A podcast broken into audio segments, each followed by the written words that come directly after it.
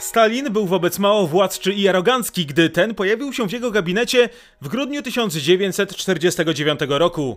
Nie zrobił tego bez powodu. Sowiecki dyktator zdawał sobie sprawę, że Chińska Republika Ludowa ma ogromny potencjał, aby wkrótce stać się dla Moskwy poważnym konkurentem w walce o bycie liderem komunistycznego świata. Generalissimus nie chciał, aby przewodniczący Mao poczuł się równorzędnym graczem w międzynarodowej politycznej rozgrywce. Stalin się jednak przeliczył, bo przywódca chińskich komunistów to, jak został wtedy potraktowany w Moskwie, zapamięta do końca życia i będzie miało to duży wpływ na relacje obu komunistycznych krajów. Dzisiaj opowiem o szczegółach tamtego grudniowego spotkania w 1949 roku. Odcinek powstał na podstawie jednego z rozdziałów mojej najnowszej książki, zatytułowanej Jak Moskwa przegrała zimną wojnę, której przedsprzedaż potrwa do połowy grudnia. Osoby, które zakupią ją w tym czasie, otrzymają wyjątkowe egzemplarze z moim autografem. Wysyłka rozpocznie się 18 grudnia. Książka dostępna jest na stronie powojnie.sklep.pl. Zachęcam do zakupu, a teraz zapraszam na najnowszy odcinek mojej serii.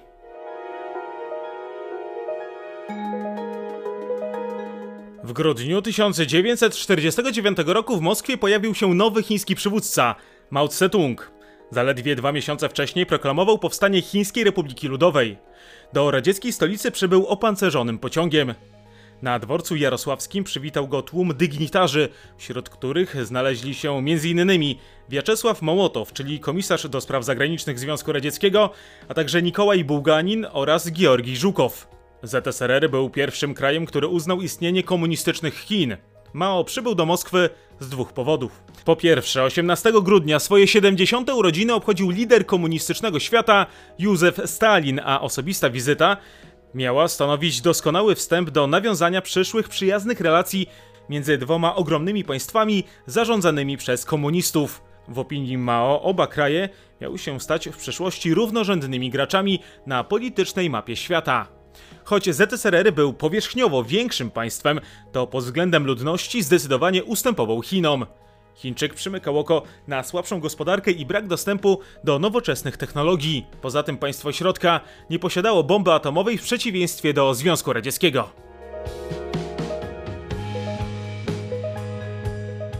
Po krótkiej części oficjalnej na moskiewskim dworcu, Mao udał się na spotkanie z generalissimusem. Stalin czekał na niego w swoim gabinecie.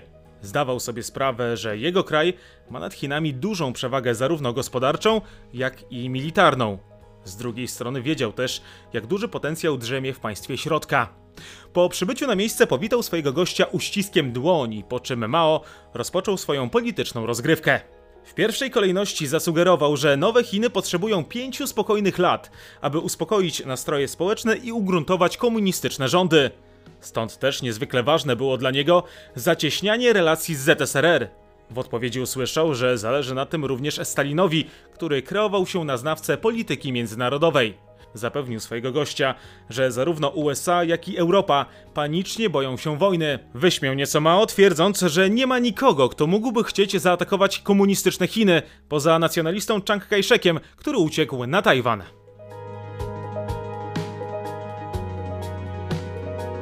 Stalin traktował Mao z wyższością. Stale sugerował, że to ZSRR faktycznie decyduje o losach świata.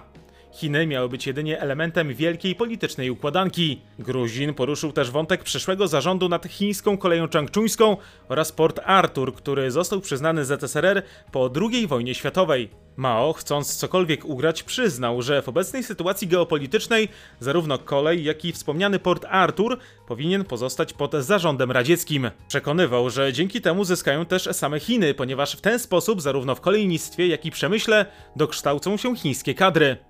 Mao w tamtym momencie był ślepo zapatrzony w Stalina. Wierzył w jego czyste i szczere intencje. Chińczyk przyjechał do Moskwy w nadziei, że otrzyma od Sowietów pożyczkę. Pieniądze były potrzebne chińskim komunistom do utrzymania władzy i wygaszenia niepokojów społecznych. Mao poprosił o 300 milionów dolarów, które w ciągu 5 lat miały trafić do Chin w formie dostaw rosyjskich materiałów i wyposażenia. Tym sposobem szybko i sprawnie odbudowana miała zostać chińska gospodarka, która była w opłakanym stanie po wojnie domowej nacjonalistów z komunistami. Wcześniej jednak obaj dyktatorzy musieli dojść do porozumienia m.in. w kwestii spornego terytorium między ZSRR a Chinami, a dokładniej Xinjiangiem.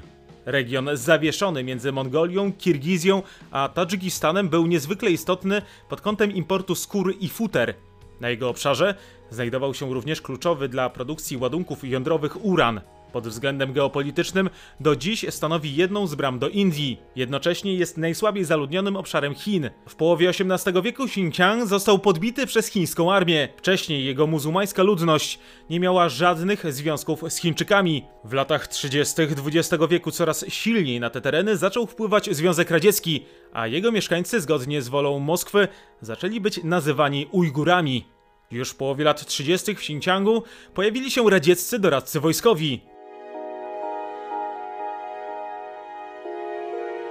Jeszcze przed II wojną światową Sowieci stale umacniali swoje wpływy w tej części świata, co zdecydowanie nie podobało się Chiang Kai-shekowi. W 1944 roku lider chińskich nacjonalistów, aby przejąć pełną kontrolę nad regionem, wysłał 100 tysięcy żołnierzy.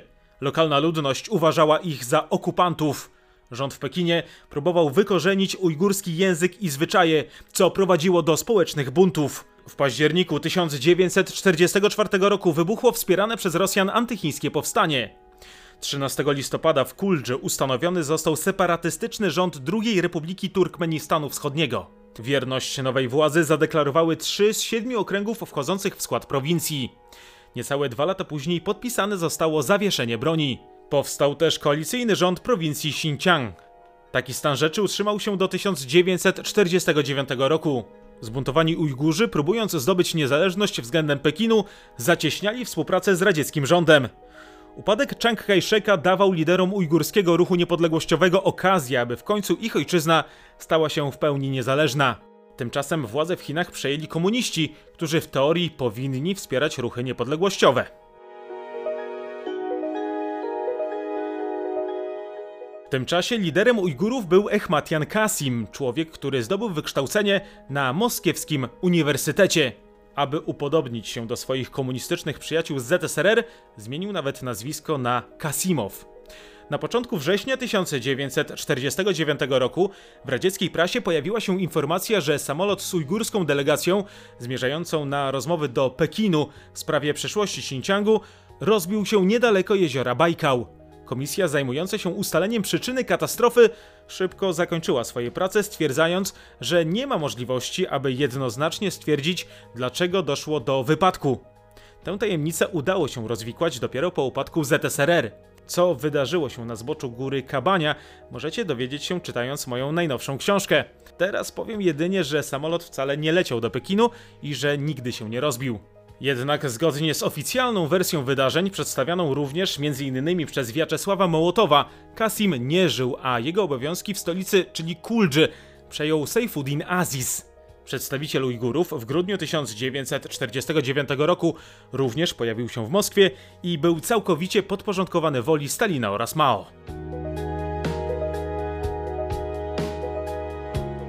Podczas rozmów na Kremlu o jakiejkolwiek autonomii dla Xinjiangu nie było mowy.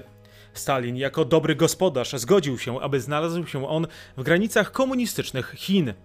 Mało w Moskwie zależało również na tym, aby wzmocnić swój kraj militarnie.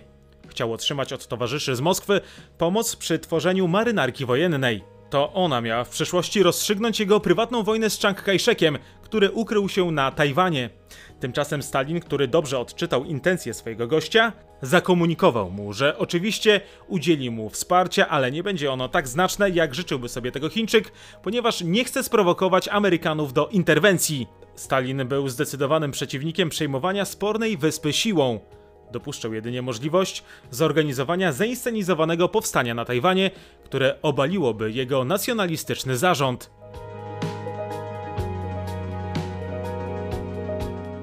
Podczas spotkania na Kremlu Stalin otrzymał od Mao listę 150 chińskich projektów, których realizacja wzmocniłaby przemysł zbrojeniowy państwa środka. Po przejrzeniu ich generalissimus zgodził się jedynie na realizację co trzeciego pomysłu.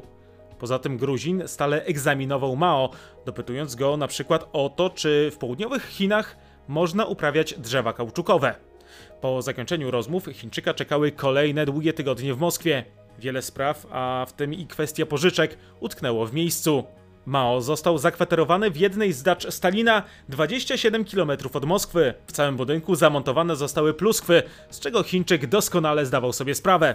W kolejnych dniach ogromna rezydencja stała się dla Mao więzieniem. Jedyną rozrywką był zaśnieżony ogród. Stalin doskonale zdawał sobie sprawę, że swoją niegościnnością irytuje chińskiego gościa. Co kilka dni wysyłał do daczy swojego człowieka, aby ten sprawdzał stan psychiczny Mao. Z niebywałą satysfakcją odbierał wieści, że nie jest on w najlepszej kondycji. Przewodniczący Mao znalazł się na odludziu nie bez powodu. Tym sposobem Stalin uniemożliwił mu spotkania z przedstawicielami innych komunistycznych krajów, którzy zjeżdżali do Moskwy w związku z urodzinami generalissimusa. Rozmowy o wielkim sukcesie chińskich komunistów mogłyby stać się większą atrakcją od samych uroczystości urodzinowych. Część komunistów była zdania, że w Chinach doszło do drugiej rewolucji październikowej. I choć Mao wielokrotnie pytał emisariuszy Stalina, czy może zobaczyć się z innymi komunistycznymi przywódcami, za każdym razem słyszał to samo, czyli odmowę. Aż nadszedł 21 grudnia 1949 roku. W Teatrze Bolszoi zorganizowany został uroczysty pokaz Jeziora Łabędzie. Na miejscu pojawili się wszyscy najważniejsi politycy bloku wschodniego, a w tym i Mao, który stwarzał pozory zadowolonego. Stalin, kamuflując swoją brudną grę, posadził go tuż obok siebie. Miało to rzekomo symbolizować szacunek, jakim go darzy. Pewnym momencie tłum zgromadzony w moskiewskim teatrze zaczął skandować hasło Stalin Mao Tse-tung. Chińczyk nie był tym podobno zachwycony. Spodziewał się, że teraz stale wywyższający się Stalin w ogóle nie będzie chciał z nim rozmawiać. Następnego dnia Mao zakomunikował pilnującym go Rosjanom, że chce jak najszybciej spotkać się z gospodarzem Kremla. Tymczasem mijały kolejne dni.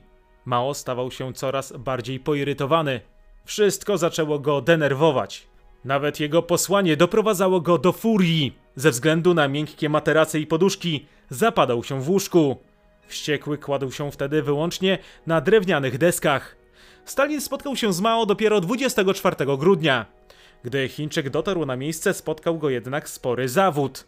Stalin zamiast o pożyczkach czy też wojsku wolał dyskutować o komunistycznych partiach we Wietnamie, Japonii i Indiach. Doskonale zdawał sobie sprawę, że nie po to Mao przyjechał do Moskwy.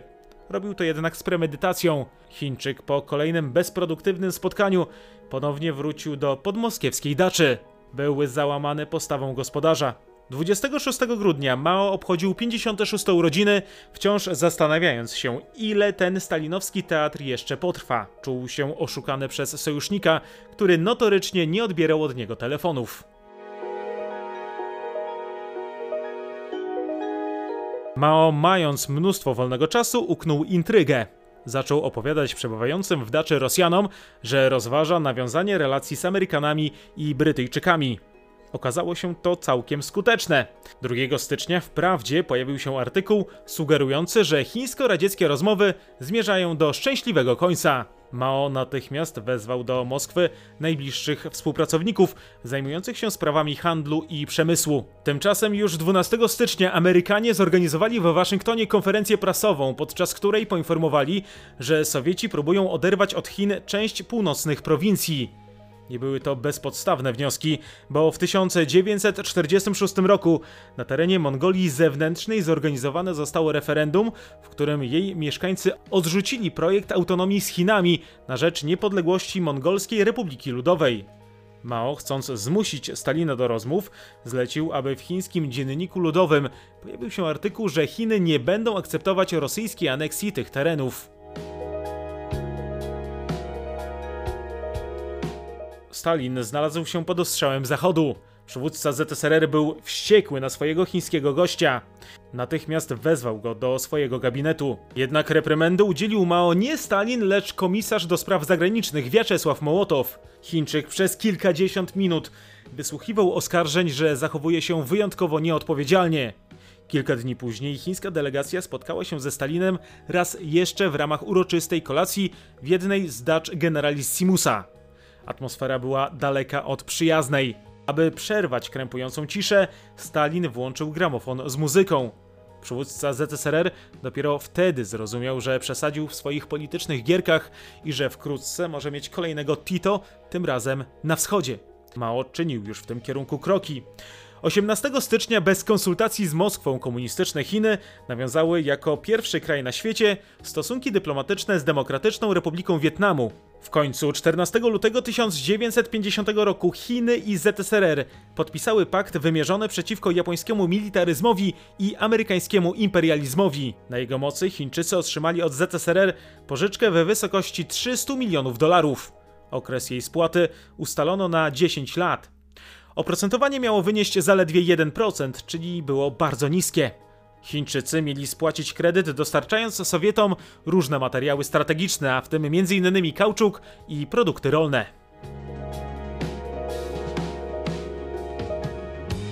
Mao oddał Stalinowi dostęp do ogromnych złóż minerałów, a w tym m.in. cyny i wolframu. Jednocześnie Sowieci zobowiązali się przekazać Chińskiej Republice Ludowej najpóźniej do końca 1952 roku chińską czangczuńską linię kolejową. Poza tym w ciągu dwóch lat miały zostać ewakuowane wszystkie radzieckie wojska ze wspólnie wykorzystywanej morskiej bazy wojskowej w Port Arthur. W przyszłości Pekin będzie wielokrotnie wypominał Rosjanom, że ci, wykorzystując sytuację, okradli Chiny z ogromnych bogactw i surowców. Aby pożegnać się z radzieckimi towarzyszami tuż przed powrotem do Pekinu, Mao zorganizował w hotelu Metropol w Moskwie uroczysty bankiet. Wśród gości pojawił się Stalin, który nie zwykł uczestniczyć w przyjęciach poza murami Kremla. Podczas toastów przywódca ZSRR zdobył się na szczerość, informując Mao, że każdy komunistyczny kraj, który zdecyduje się iść własną drogą, tak jak zrobił to Tito, skończy bardzo źle. Na te słowa Chińczyk miał jedynie porozumiewawczo pokiwać głową. Drogi Moskwy i Pekinu rozjechały się na dobre po wybuchu wojny w Korei. O ile Stalin oszczędnie poparł Kim Il-sena, to Mao wsparł go wysyłając do walki na Półwyspie Koreańskim rzekomych ochotników. Ich interwencja uratowała Koreę Północną przed klęską w starciu z siłami międzynarodowymi. Zaangażowanie się w ten konflikt opierało się nie tylko na tzw. Tak bratniej pomocy, ale też na obawach Mao, że po Korei Amerykanie zaatakują Chiny. Tymczasem jesienią 1950 roku, gdy wojna w Korei trwała już w najlepsze, Stalin zaczął naciskać na Pekin, aby ten wysłał jeszcze więcej wojska do wsparcia Koreańczyków z północy. Przywódca Związku Radzieckiego nie chciał bezpośrednio angażować się w tę wojnę, obawiając się starcia ze Stanami Zjednoczonymi. W międzyczasie Sowieci ociągali się z wysyłaniem wsparcia z powietrza, a także blokowali wszelkie próby doprowadzenia do negocjacji pokojowych. Mao, zdając sobie sprawę, że nie może w pełni polegać na Stalinie, otworzył się na relacje z innymi państwami. Od 1952 roku Chiny zacieśniały stosunki z Indiami, czyli kluczowym przedstawicielem ruchu państw niezaangażowanych. Już dwa lata później oba kraje podpisały porozumienie w kwestii Tybetu, ogłaszając koncepcję pięciu zasad pokojowego współistnienia. Indie zrzekły się praw do Tybetu, a Chiny zobowiązały się szanować istniejącą tam formę rządów. Już w następnym roku Chińczycy zostali zaproszeni na konferencję tzw. Tak krajów niezaangażowanych w Bandungu. Już po śmierci Stalina Mao zdecydował się dwukrotnie zaatakować Tajwan w 1954 i 1958 roku. Kolejny przywódca ZSRR Nikita Chruszczow nie pomógł chińskiemu sojusznikowi, informując go, że radziecki parasol nuklearny nie obejmuje cieśniny tajwańskiej. W tej sytuacji Mao postanowił, że Chiny muszą mieć własny ładunek jądrowy i zlecił rozpoczęcie prac nad bombą atomową.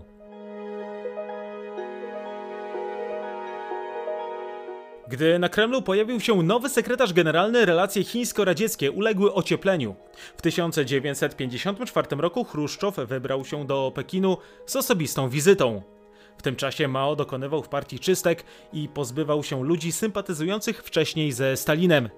Tym sposobem odsunięci zostali szefowie partii w Mandżurii oraz Szanghaju. A jak w kolejnych latach wyglądały chińsko-radzieckie relacje, to temat na osobny odcinek serii po wojnie. Ja tymczasem dziękuję za uwagę, zachęcam do subskrybowania kanału i zakupu mojej najnowszej książki na stronie powojnie.sklep.pl. Do usłyszenia.